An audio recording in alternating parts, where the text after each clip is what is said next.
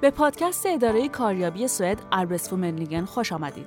من آنا دورانی هستم. در این برنامه با همکارم محمود نوستزاده درباره مصاحبه استخدامی گفتگو خواهیم داشت. اگه کاری رو تقاضا کردیم و کارفرما از شما برای انجام مصاحبه دعوت به عمل آورده بسیار ضروری است که شما با آمادگی خوب به دیدار کارفرما برین آمادگی خوب کلید موفقیت شماست. لازم قبل از رفتن به مصاحبه تحقیقات لازم رو انجام داده باشید و به بعضی از نکات توجه داشته باشید تا بدون استرس و با اعتماد به نفس بالا در جلسه مصاحبه کاری حضور پیدا کنید.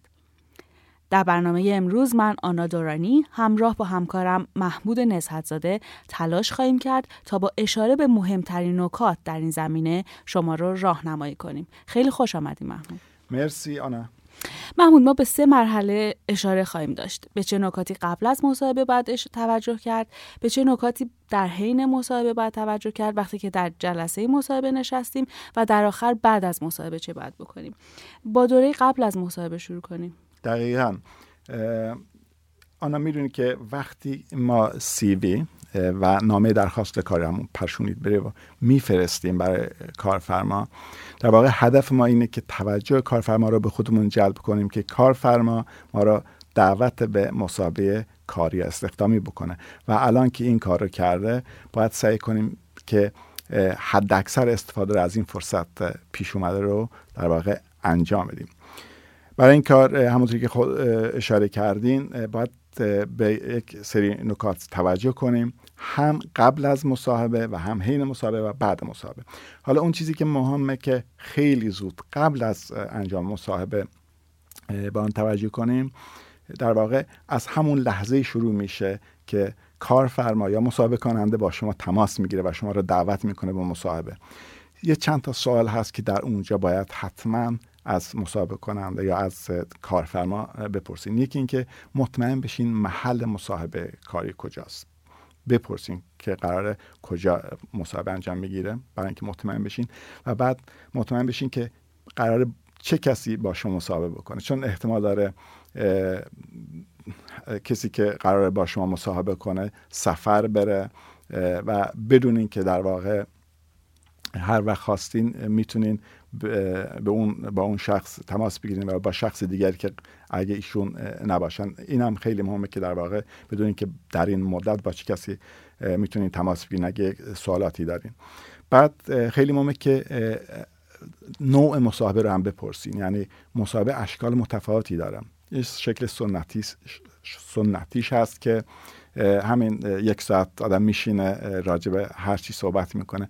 ولی مصاحبه اشکال فرمای دیگر هم داره. مثلا مسابقه پنل هست که چند نفر می‌تونن با شما مسابقه بکنن همزمان یا اینکه یه مسابقه گروهی که کارفرما همزمان با چند نفر متقاضی کار مسابقه انجام میده. و بعضی وقت هم باید یه آزمایش کاری با خودتون ببرین و اینکه برین اونجا اون آزمایش کاری رو انجام بدین. خیلی مهمه که اینم در واقع بپرسین بدونین که به چه شکلی خواهد بود که وقتی میرین اونجا در واقع سورپرایز نشین. دقیقا. به محل مصاحبه اشاره کردیم با وجود تکنیکی که امروز وجود داره پیدا کردن آدرس همیشه کار راحتی نیست. هم راحت نیست چون شهرها بزرگه ولی از طریق هم راحت می‌تونه باشه. خب میشه از روی نقشه پیدا کرد. ولی کافی نیست.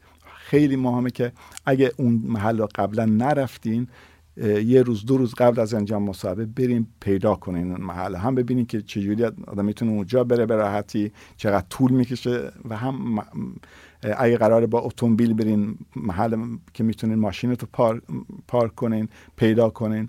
و بعد خیلی مهمه که وقتی که قراره برین حتما اگه با قطار اتوبوس میرین زودتر قطار و اتوبوس زودتر رو بگیرین برین. چون هر احتمال هست که ترافیک بشه یا به دلایل مختلفی سر ساعت مقرر نرسین. و برای همین مهم است که حتما شماره تلفن و یا ایمیل آدرس کسی که قرار با شما مصاحبه کنه همراه داشته باشین که اگر یه مشکلی پیش اومد تماس بگیرین و اعلام کنین که دیر می‌رسین چون سر موعد رسیدن اینجا بسیار مهم است. خیلی مهمه. زمان مناسب برای حضور در محل رو فکر می‌کنید چه زمانی مناسب به نظر من حدود نیم ساعت خوبه. تو اون در واقع منطقه باشین. طوری تنظیم کنین حدود نیم ساعت قبل در اون منطقه باشین ولی حدود ده دقیقه 15 دقیقه قبل از انجام مصاحبه به, به ساختان محل مصاحبه برین.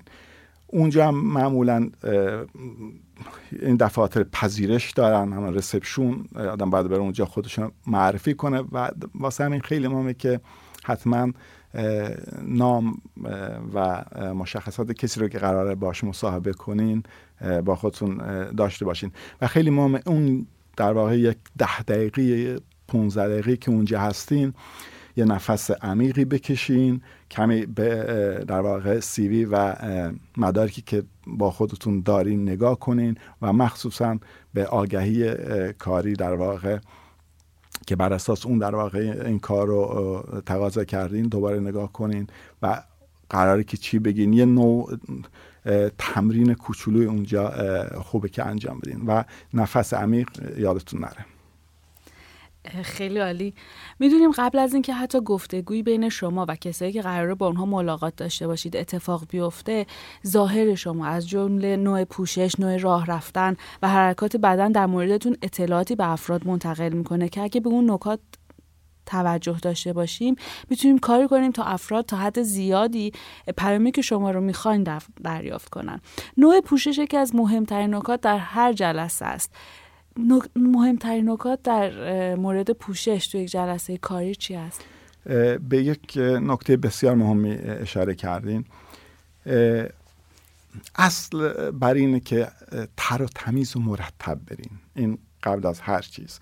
و راحت بپوشین. یعنی طوری نباشه که لباسی بپوشین که اونجا در واقع شما رو اذیت بکنن. خیلی مهمه. بعد هیچ وقت انتخاب پوشش رو به صبح روزی که قرار برین در واقع به اون وقت نذارین که حتما مشکل زا خواهد بود. پس بهتره که حداقل روز قبل شب قبلش بدونین دقیقا که قرار چی بپوشین.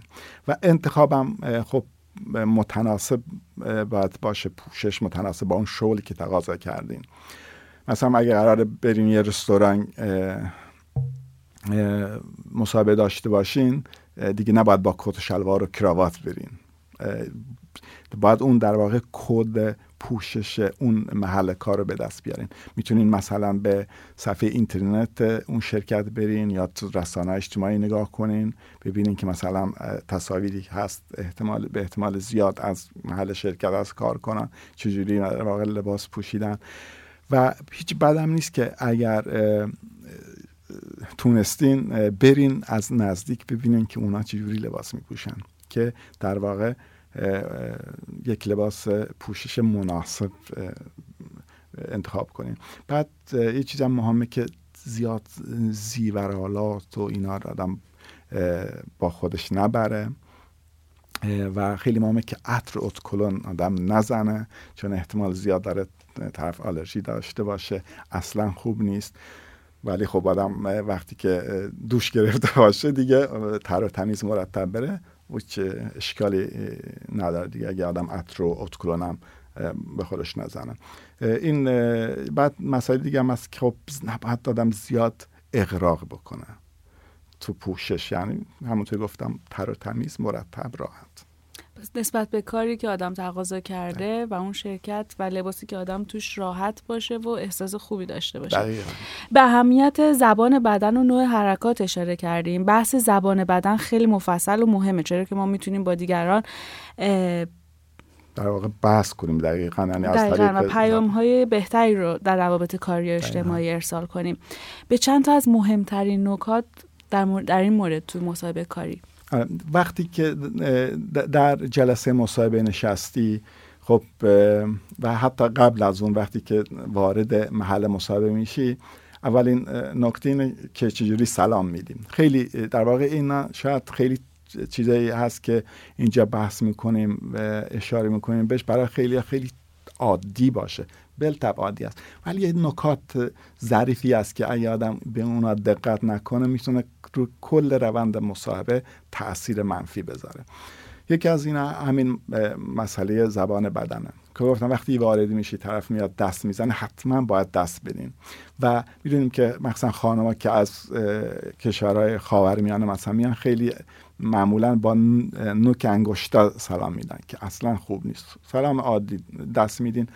و بعضی هم مثلا آقایون مخصوصا که خیلی فشار میدن. اون هم خوب نیست. خیلی از نکات ریشه فرهنگی داره. دقیقا. ولی خب بعدم باید به این نکات توجه بکنه. بعد وقتی که تو جلسه نشستین تو خاور میانه معمولا طوری تربیت طوری است که دم زیاد به چشم یا صورت کسی که باش حرف می‌زنه نگاه نمی‌کنه. مخصوصا اگه از جنس مخالف باشه. ولی خیلی مهمه اینجا که آدم سر در واقع سر به زیر نباشه ولی ظلم نزنه به چشم طرف که اونم خوب نیست. یعنی این تماس چشمی بسیار مهم است. بعد اینم مهمه که مثلا ببینین طرف تون صداش چیه. اگه کسی که آروم صحبت می‌کنه شما سعی کنید آروم صحبت کنید. طوری نباشه که مثلا طرف مقابل آروم صحبت می‌کنه شما یهو مثلا با صدای بلند صحبت کنید اینا سعی کنید اونم تنظیم کنید. بعد ببینید طرف اگه مثلا راحت نشسته لم داده شما کمی به این شکل در واقع بشینین. یعنی یک نوعی میگن در واقع شما آینه طرف باشین. ولی زیادم نباید دیگه اونقدر به این نکات هی توجه کنید. فکر کنید که اصل مصاحبه یادتون بره. بله.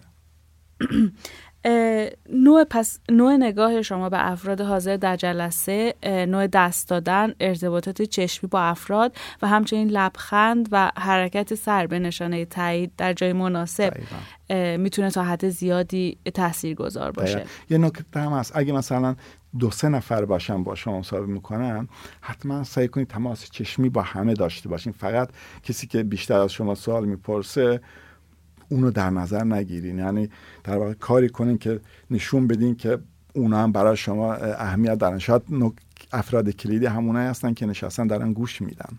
و طول یک نگاه کردن رو برای کسایی که عادت ندارن معمولا میگن سی ثانیه همین آره پاوز سی ثانیه. یکی از مهمترین اطلاعاتی که خوب آدم داشته باشه در مورد شرکته. آنا یه نکته رو می‌خواستم اشاره کنم که خیلی مهمه قبل از اینکه به شرکت بپردازیم اینه که وقتی که آدم وارد جلسه مصاحبه میشه تقریبا برای همه چه کسایی که اولین بار میرن چه کسایی که خیلی وقت چندین بار مصاحبه رفتن یه کمی استرس و نگرانی است و این هم خیلی چیز طبیعیه. نباید در واقع زیاد نگران بشیم. چیز طبیعیه و کسی که با شما مصاحبه می‌کنه می‌دونه که همه یه نوع استرسی دارن. و خیلی خوبم هست که وقتی که مصاحبه کننده اول مصاحبه که دست داد و نشست اینو پرسید که مثلا قهوه چای چیزی می‌خواین که خیلی خوبم بگین آره آب یا قهوه یا چای می‌خواین بخورین. ولی معمولا می‌پرسن چطوری؟ حالت خوبه؟ چه خبر؟ خیلی راحت می‌تونیم بگین. والا خوبه ولی کمی استرس دارم دیگه اومدم اینجا. همین گفتن این که کمی استرس دارم کل این استرس و نگرانیتون رو در واقع از بین می‌بره. این خیلی مهمه. ولی اگه حالا بیایم به مسئله شرکت. همونطوری که شما گفتین به جمع اطلاعات لازم درباره شرکتی که قرار بری باش مسابقه کنی خیلی مهمه. در واقع شما دارین نشون میدی به مسابقه کننده کارفرما اونجا که شما به این شرکت و به این شغل علاقمند هستین. می‌تونین هم اطلاعات راجع به خود شغل بیشتر جمع کنین راجع به این شرکت راجع به پروژهاش راجع به ارزشهای که برای این شرکت مهمه. مثلا هر شرکتی یا هر نهادی یک نوع فرهنگ کاری داره سعی کنین راجع به اونم اطلاعاتی پیدا کنین. اگه کسی رو می‌شناسین اونجا بپرسین راجع به این مسائل یا برین در رسانه های اجتماعی معمولا اکثر شرکت ها خب به حساب کاربری دارن برین نگاه کنین ببینین راجع به چی می نویسن همه شرکت ها و نهادها هم سازمان هم معمولا تو صفحهشون اینترنتیشون یه بخشی دارن که نوشته درباره ما. در اونجا هم یک سری اطلاعات رو میشه جمع آوری کرد که خیلی مهمه.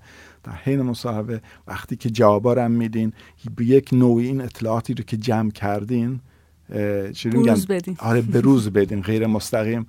اونا در واقع می‌گیرن مسئله رو. متوجه, متوجه میشن که شما دارین چی میگیم؟ بسیار خوب میشون. دقیقا اطلاعات خوبی رو آدم می‌تونه پیدا کنه در صف همونطور که گفتین در درباره ما در صفحه های اصلی شرکت ها که خیلی در مورد کارکرد و دیدگاه و اهدافشون هم صحبت می‌کنن.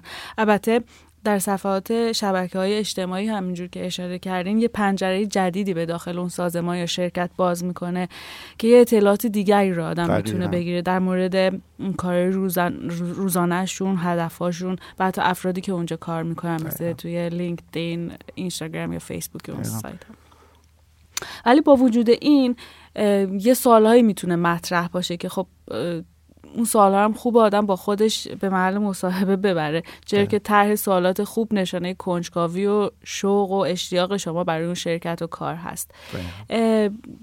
چرا که ما هم در آستانه یه انتخاب هستیم. فقط اون شرکت نیست که قرار شما رو انتخاب کنه. چه سوالایی بهتر آدم با خودش ببره؟ به مسائل بسیار مهمی اشاره کردین. بسیار مهمه که وقتی که به مصاحبه میرین یک سری سوالاتی رو آماده کنین. هم درباره این شرکت درباره اهدافش درباره پروژههاش و درباره اون شغلی که در واقع قرار اگه استخدام بشین باش کار کنین. البته ما یه برنامه دیگری خواهیم داشت. آنا درسته؟ دقیقا در مورد سوالای رایج در سوالای رایج و سوالاتی که با خودتون باید ببرین و همچنین سوالای عجیب و غریبی که بعضی در بعضی از مصاحبه مطرح میشه که در اون برنامه ما بیشتر راجع به این سوالات و چگونگی در واقع تمرین و آمادگی و جواب دادن صحبت می‌کنیم ولی اینجا فقط یه اشاره کوتاهی می‌کنیم که حتما باید به تعداد کافی سوال و همراه خودمون داشته باشیم که اگر در طول مصاحبه هم یک جواب یک سری از این سوالا داشته در واقع داده بشه برای آخر مصاحبه یک دو سه تا سوال مونده باشه که در واقع شما بپرسید معمولا کارفرما میگه دیگه می‌پرسه. یا در آخر مصاحبه یا شاید اواسط مصاحبه می‌پرسه میگه شما اگه سوالی دارین بپرسین که اصلا خوب نیست در اونجا بگین نه من سوالی ندارم. خیلی مهمه که سوال داشته باشم. و همونطوری گفتم در برنامه بعدی بیشتر در واقع درباره این سوالات هم صحبت خواهیم کرد. بسیار عالی. خب حالا روز موعود فرار رسیده تحقیقات لازم انجام شده و الان در جلسه مصاحبه نشستیم. دقیقا. اینجا چه کنیم؟ آیا. همونطوری گفتم مسئله استرس هست که خیلی طبیعیه و راحت می‌تونیم بگین که من کمی استرس دارم. و زیاد بهش فکر نکنین. بعد مسئله مهم دیگر هم هست که باید سعی کنیم که با دقت گوش بدیم به مصاحبه کننده. ببینیم داره چی می‌پرسه. چون بسیاری وقت وقتی آدم توی همچی جلسایی میشینه بیشتر خودش فکر می‌کنه که چه جوابی بده. دیگه اون در واقع سخنان طرف مقابل خوب نمیشنه اصلا بهش دقت نمی‌کنه. این اصلا خوب نیست. برای اینکه دچار این مشکل نشیم خوبه که در واقع قلم و کاغذ با خودمون داشته باشیم. بعضی وقتا چیزایی که به ذهنمون می‌رسه یا مصاب کننده در واقع میگه می‌پرسه یادداشت کنیم. یک تکنیک خوبیه برای اینکه بتونیم خوب گوش بدیم. بعد نکته دیگری که بسیار مهمه اینی که باید روی توانمندیات تکیه کنیم. شما حتما باید خب اون آگهی رو آگهی کاری رو خوب خونده باشین و دقیقا بدونین که چه چیزی برای این کارفرما مهمه برای این شغل. و شما به سیوی خودتونم نگاه کردین و می‌بینین که چه توانمندی دارین چه تجربیاتی دارین چه دورهای آموزشی رفتین که می‌تونه برای این شرکت و برای این شغل و برای این کارفرما مهمتر باشه. سعی کنید اونا رو در واقع بیشتر بولد کنید و درباره اونا بیشتر صحبت کنید. و قبلا هم روی این فکر کرده باشین آمادگی کامل داشته باشین که در واقع هر فرصتی که پیش اومد اون توانمندیاتون رو در واقع به رخ بکشین. خیلی عالی. گفتین که توی برنامه دیگه راجع به سوالهای رایج صحبت می‌کنیم ولی یکی از مهمترین سوالهایی که همیشه پرسیده میشه اینه که در مورد خود تعریف کنید دقیقا. این سوال معمولا خیلی, خیلی از کارفرما در همون آغاز مصاحبه این سوال رو مطرح می‌کنن و اصلا نباید در اونجا سورپرایز بشین وقتی که کارفرما میگه راجع به خودتون کمی بگین منظورشون در واقع درباره مسائل شخصی شما نیست. هدف کارفرما اینه بدون که شما چه در واقع شخص حرفه‌ای هستین. یعنی چه تجربیاتی دارین و چه توانایی رو دارین که می‌تونه به درد این شرکت و این شغل بخوره. خیلی خوبه که تمرین بکنین. حدود مثلا یه چیز رو آماده بکنین که همون هیستال بهش میگن. یک دقیقه حد, اکثر یک دقیقه یک دقیقه که راجب توانمندی یا گذشته کاری تحصیلی و شغلی خودتون و در ارتباط مستقیم با اون کاری که در واقع تقاضا کردین و الان در جلسه نشستین که می‌خواین که در واقع این شغل رو تصاحب کنین. خیلی عالی. خب چیز بیشتری فکر می‌کنین در در حین مصاحبه خیلی مهمه که یه سری چیز هست که نباید آدم بگه. اینم بگیم. مثلا اصلا نباید از صاحب کار قبلیتون بدگویی بکنین. منفی باشین. بسیار بده اصلا لازم نیست که حتما راجع به حقوق صحبت کنین. بپرسین چقدر حقوق من حقوق من چقدر خواهد بود. اگر صاحب کار پرسید اون خب اونم می‌ذاریم برای اونم قرار آدم نگه آره برنامه بعدی که درباره. سوالات رایج قرار صحبت کنیم اونجا بیشتر اشاره می‌کنیم ولی منظورم اینه که بعد گلایه نکن زیاد از کار قبلیت از در واقع معمولیت هایی که میباید انجام می‌داد یا در واقع جزیات کاریت؟